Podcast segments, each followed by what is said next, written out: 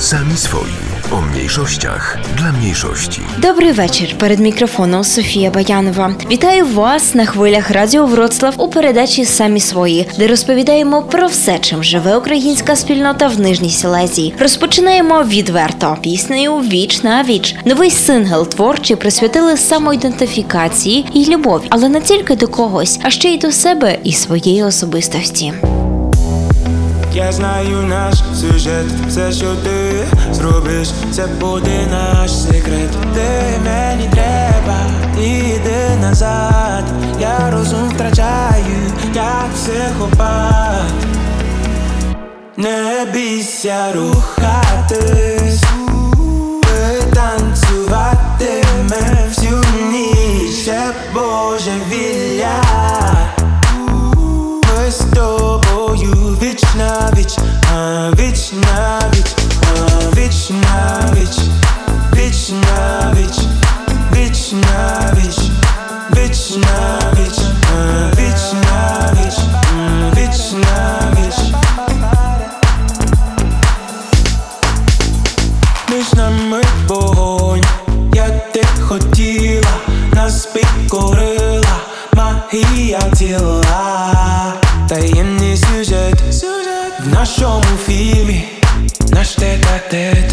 шаленому ритмі. Я знаю наш сюжет, все, що ти зробиш, це буде наш секрет. Ти мені треба, іди назад. Я розум втрачаю, як психопат. Не бійся рухатись, ми танцюватиме всю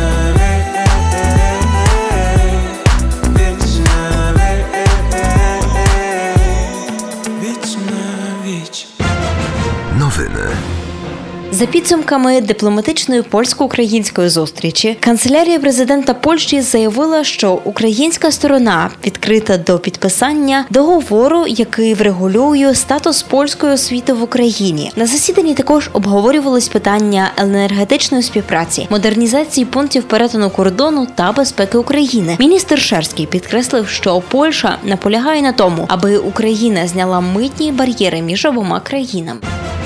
1 квітня заступник начальника Генштабу Збройних сил України генерал-лейтенант Радіон Тимошенко підписав меморандум щодо призначення офіцерів зв'язку війська польського до складу багатонаціональної координаційної групи з першим заступником очільника генкомандування збройних сил Республіки Польща генерал-лейтенантом Яном Слівкою.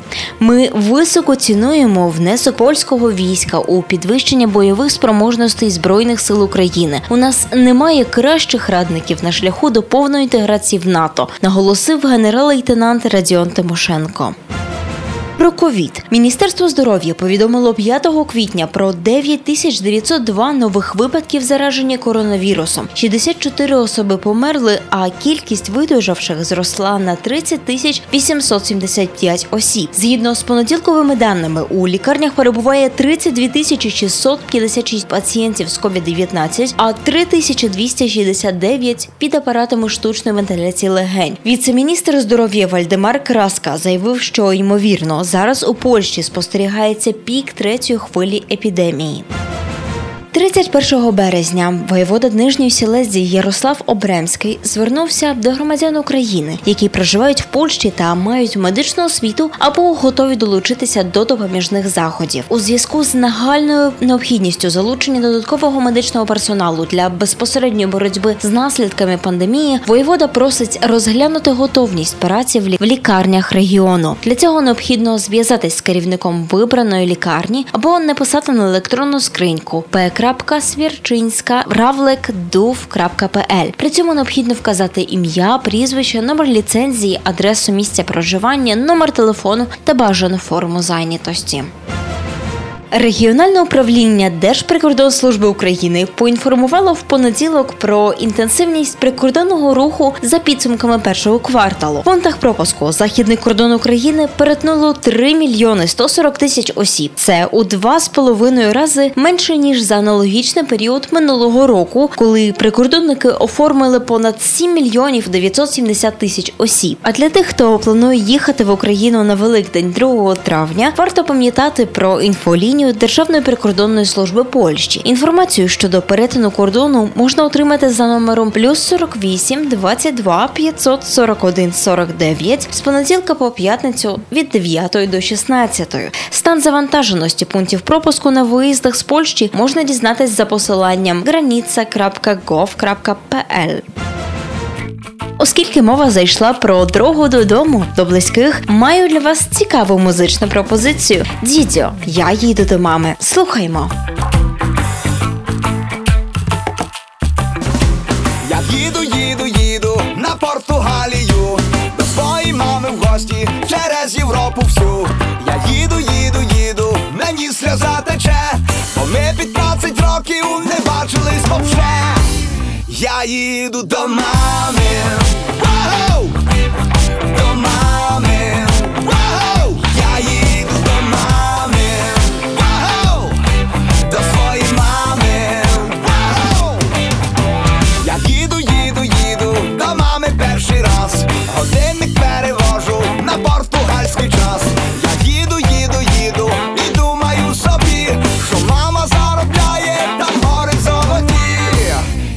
Я їду до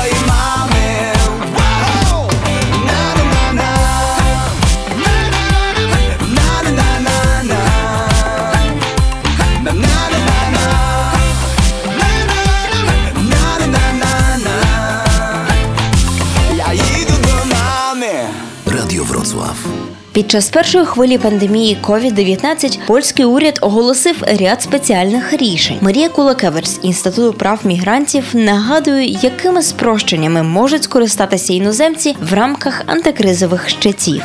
Якщо особа перебувала, наприклад, на якихось документах, які легалізують її перебування, тобто це є довіза або карта побуту, або навіть безвізовий рух, такі документи автоматично продовжуються на період до закінчення стану епідемії в країні або стану епідеміологічної загрози, в залежності від того, який зі станів буде останній, тому що швидше за все, що після стану епідемії ще буде стан такий, якби епідеміологічної загрози, так як це було на початку, і ще плюс 30 днів від закінчення останнього з цих станів. Натомість, в залежності від того, на яких документах людина перебувала, трошки по-іншому діють ці правила. Якщо ми говоримо про безвізовий рух, то для того, щоб був продовжений безвізовий рух, то особа мусила б в'їхати на територію Польщі до 14 березня 2020 року, а її безвізовий рух мав би закінчитися після 14 березня 2020 року. Тільки в цьому випадку безвізовий рух продовжується на той час, який я вказала попередньо. Натомість, якщо людина в'їхала на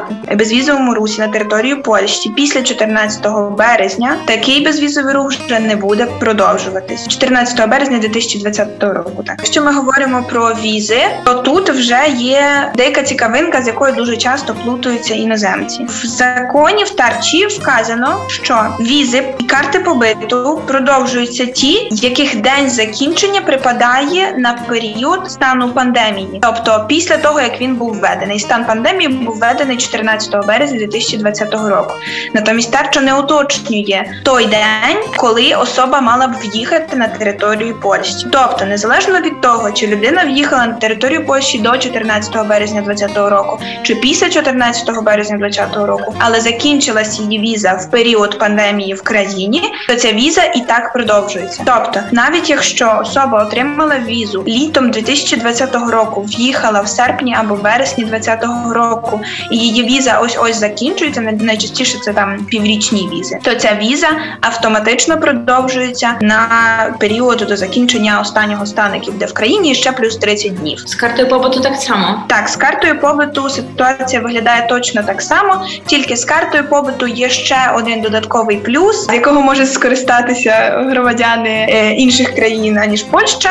Це є можливість перетинати кордони на продовженій карті побиту в сторону свого громадянства і назад. Це є величезний плюс. Мало хто про це знає. Ця інформація є доступною на веб-сайті, офіційному веб-сайті Уженду до справ цудземців. Можуть особи зайти. Цей сайт також є доступний російською та англійською мовою, і спеціально працівники цього уженду зробили навіть таку графіку, тобто такий е, таку табличку, яка чітко показує, які документи продовжуються, на який період вони продовжуються, а також чи можна по ньому перетинати кордон. Але підкреслюю, перетинати кордон по продовженій карті можна тільки в країну вашого громадянства і назад, не в якусь іншу країну поза Польщею. Варто підготуватися, варто власне зайти на ту сторінку, яку я вказала, тому що це є офіційний веб-сайт адміністративного органу Польщі, який надає офіційну інформацію з актів юридичних, тому можна навіть зайти там, собі зробити там чи скріншот, чи зробити роздруківку. І в разі чого, якщо виникнуть якісь питання, то ви можете це показати для працівника прикордонної служби, і тоді е, відповідно він мусить вас припустити. Лемківська громада в Польщі мала непросту історію. Однак українські лемки гуртуються і популяризують культурну спадщину спільноти. Про міжнародну співпрацю, культурне єднання та діяльність громади розповідає голова об'єднання лемків Адам Вівюрка. Akcja Wisła Всіх українців навчила страху. Нас вчили в школі тут також вчителі, які були свідками акції Вісла, покійний Іван Співак, що казав, ви на вулиці говоріть польською мовою, а в хаті рідною. Тепер наступне покоління мають менше цього страху, але і так в них живе почуття, що, що різно буває і історія може повернутися. Об'єднання лемків почало діяти так naprawdę в горах на Лемківщині, і там є головні структури. Нам вдалося купити ділянку. Маємо в Горлиці Центр Богdana Igora Antonycza, який реалізує різні проєкти культуральні, які вказують Лемківщину і, і взагалі E, ukraiństwo na, na tamtych terenach. Organizujemy Owatru, najbliższe święto lemkijuskie w Polsce, tu festiwal, de paru tysiąc ludzi przyjeżdża z całego świata, bila dziesiąt tysięcy. Do niedawna to był najbliższy festiwal lemkijski. Bahato wydajemy knyżok. Nam wdało się wratowaty mm, osobu Epifania Nikifora Drowniaka. Prosto zakonno my jemu powernuły, że win Epifanii Drowniak, a nie Nikifor Krynicki. E, prosto na poli watrianym полі ватряним є весь час якісь нові інвестиції. Так що це все зростає. Я думаю, що там незабаром буде, буде і будуть і готелі, і буде осела. Так що це буде місце, яке буде, буде жити цілий рік, а не тільки один тиждень. Крім цього, ми також дбаємо про Наші цментарі біля церков на Лемківщині порядкуємо. Тут також діти з цієї школи їздили і прибирали разом з дітьми з Лемківщини. Так що це було такий урок патріотизму, але і також думаю, що добра dla minulych pokoleń. Багато речей naprawdę. Ми співпрацюємо з всіма лемками, лемківськими організаціями по цілому світі. І Сербія, і Словаччина, і Штати, і Канада, і Україна. Очевидно, my jak organizacja, my uważamy, że ми є частиною українського народу. To треба теж знати, що є інші погляди, але думаю, що демократія е, дає шанс, щоб кожен міг висловити свої думки, також не ділити, а гуртувати те, що нас е, єднає, а не що ділить.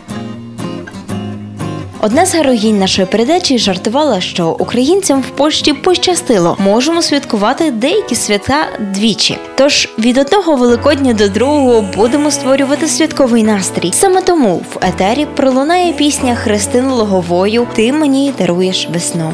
Ти мені даруєш весну, тріпотливу ніжність моїй душі цвіте почуттів розкішність. Я не засну, занадто велика розбіжність тим,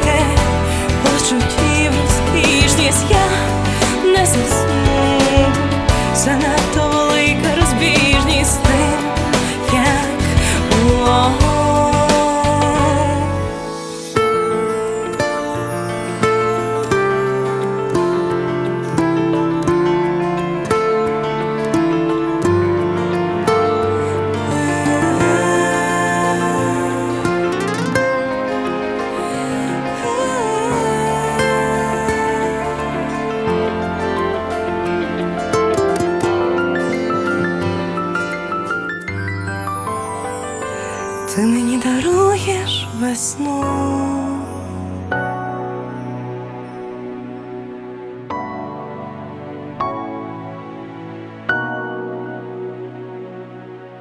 Sami swoi kulturalnie.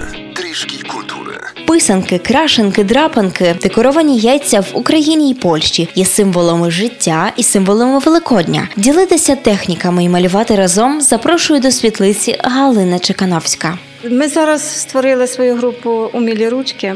І з дівчатами е, до Великодня готуємо писанки, пишемо різними техніками. І хто вчиться, хто вже має свої навики до, до цієї творчої такої роботи. І потім е, перед святами в четвер, п'ятниця, ми будемо їх продавати всім бажаючим, і в суботу теж 29, 30 і 1 число. Будемо теж пекти паски. Там вже наша традиція, бо до мене теж люди звертаються за пасочки. Дівчата е, звернулися, щоб навчити їх пасочки робити. Так що ми будемо якраз нам випадає наш четвер умілі ручки. Будемо творити пас, будемо виробляти, хто які вміє. І я би теж дуже заохотила дітей, якщо не буде ніякого обмеження коронавіруса, то щоб дітки теж прийшли і спекли свої пасочки. Плануємо вишивання. Це будемо теж святкувати день вишиванки, коли другий четвер е, травня завжди день вишиванки в Україні. Оскільки не можна робити фестивалі, як нас завжди в планах було зі спілкою українців е, святкувати на пляцу Сольному день вишиванки. Все буде відбуватися в світлиці. Дівчата готують свої вишиваночки. Я хочу, щоб е, ще принесли до світлиці свої старовинні вишиванки, і ми зробили таку виставку вишиванок своїх старовинних українських одягів. Хто має таку охоту вишиванки. Носить в серці вишиванку і поділитися своїми старовинними, навіть фотографіями. Ми маємо можливість зробити е, фотографічну виставку вишиванок, теж своїх стареньких батьків, дідів, прадідів. І я думаю, що ця акція буде удала. Е, Писанка вона взагалі мотивує дуже підносить духом е, оце відчуття свята. Дуже маємо при церкві багато діток, які вчаться при церкві релігії, і теж в спілці українців маємо багато е, діток. І ми вчимо їх різних технік.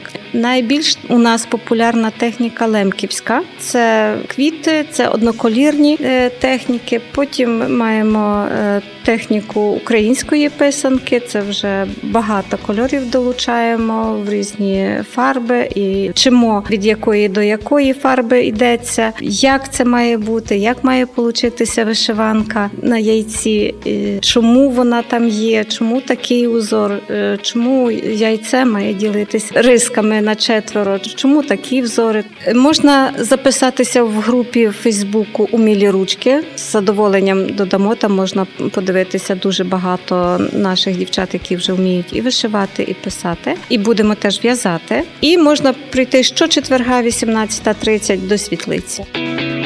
Науково-дослідницький інститут запрошує на всепольську наукову конференцію Україна. Історія, культура, традиція, люття. Відбуватиметься вона 10 та 11 квітня від 10 ранку до 8 вечора в режимі онлайн. Доповідачі розглянуть питання з різних дисциплін пов'язаних з Україною. Партнерами конференції є наукове коло сталого розвитку, гільдія молодих, міждисциплінарне наукове коло аспірантів Вендети, коло державної політики безпеки, наукове коло державної історії та права та центр екологічних досліджень. Більше інформації про конференцію можна знайти на Фейсбук-сторінці заходу. Ей, люди, давайте вже радіти, давайте довго жити. До цього закликає репер Фріл в одноіменному треці. А й справді, пандемія колись закінчиться. Тож слухаємо Фріла і налаштовуємось на позитивні емоції. Я натомість дякую за вашу увагу. З вами була Софія Ваянова у радіопередачі Самі свої. Бажаю міцного здоров'я та гарного настрою. До зустрічі незмінно в наступну середу. На добраніч. Вона працює диктором поганих новин, ненавидить все це, але не йде своїх причин. Її робота бути сексі і лякати. Мовляв, гірших часів за наші годі і чекати. Вона встає о п'ятій, щоби о пів на сьому жахи розповідати їм, коли вони йдуть із дому. Проблеми, меми, хабарі, а то і НАТО. І з натяком, що любить друзі, час там усім тікати. Її цінують, преміюють, ось нова машина. Вона стоїть у пробці шалик, скрип дишину душить. Їй хочеться це коло розірвати. І завтра, вийшовши в ефір, нарешті прокричати: Ей, люди! Давайте вже радіти, ей, люди! Давайте довго жити, зростати над собою і любити тих, хто біля нас, люди, тих, хто біля нас, ей, ей, люди, давайте вже радіти, ей, люди, давайте довго жити, зростати над собою і любити тих, хто біля нас, люди, тих, хто біля нас, ей.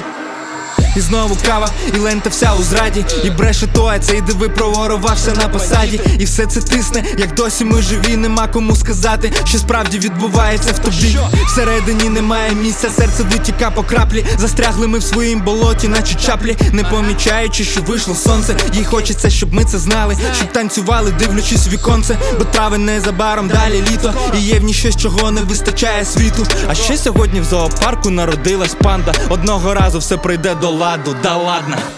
Вона працює диктором поганих новин. Її робота бути сексі і лякати. Та коло це розірветься, а годі вже чекати. Вона прямо сьогодні нарешті скаже їм: Ей, люди, давайте вже радіти, ей, люди, давайте довго жити, зростати над собою і любити тих, хто біля нас, люди, тих, хто біля нас, ей, ей, люди, давайте вже радіти, ей, люди, давайте довго жити. Зростати над собою і любити тих, хто біля нас, люди, тих, хто біля нас, ей.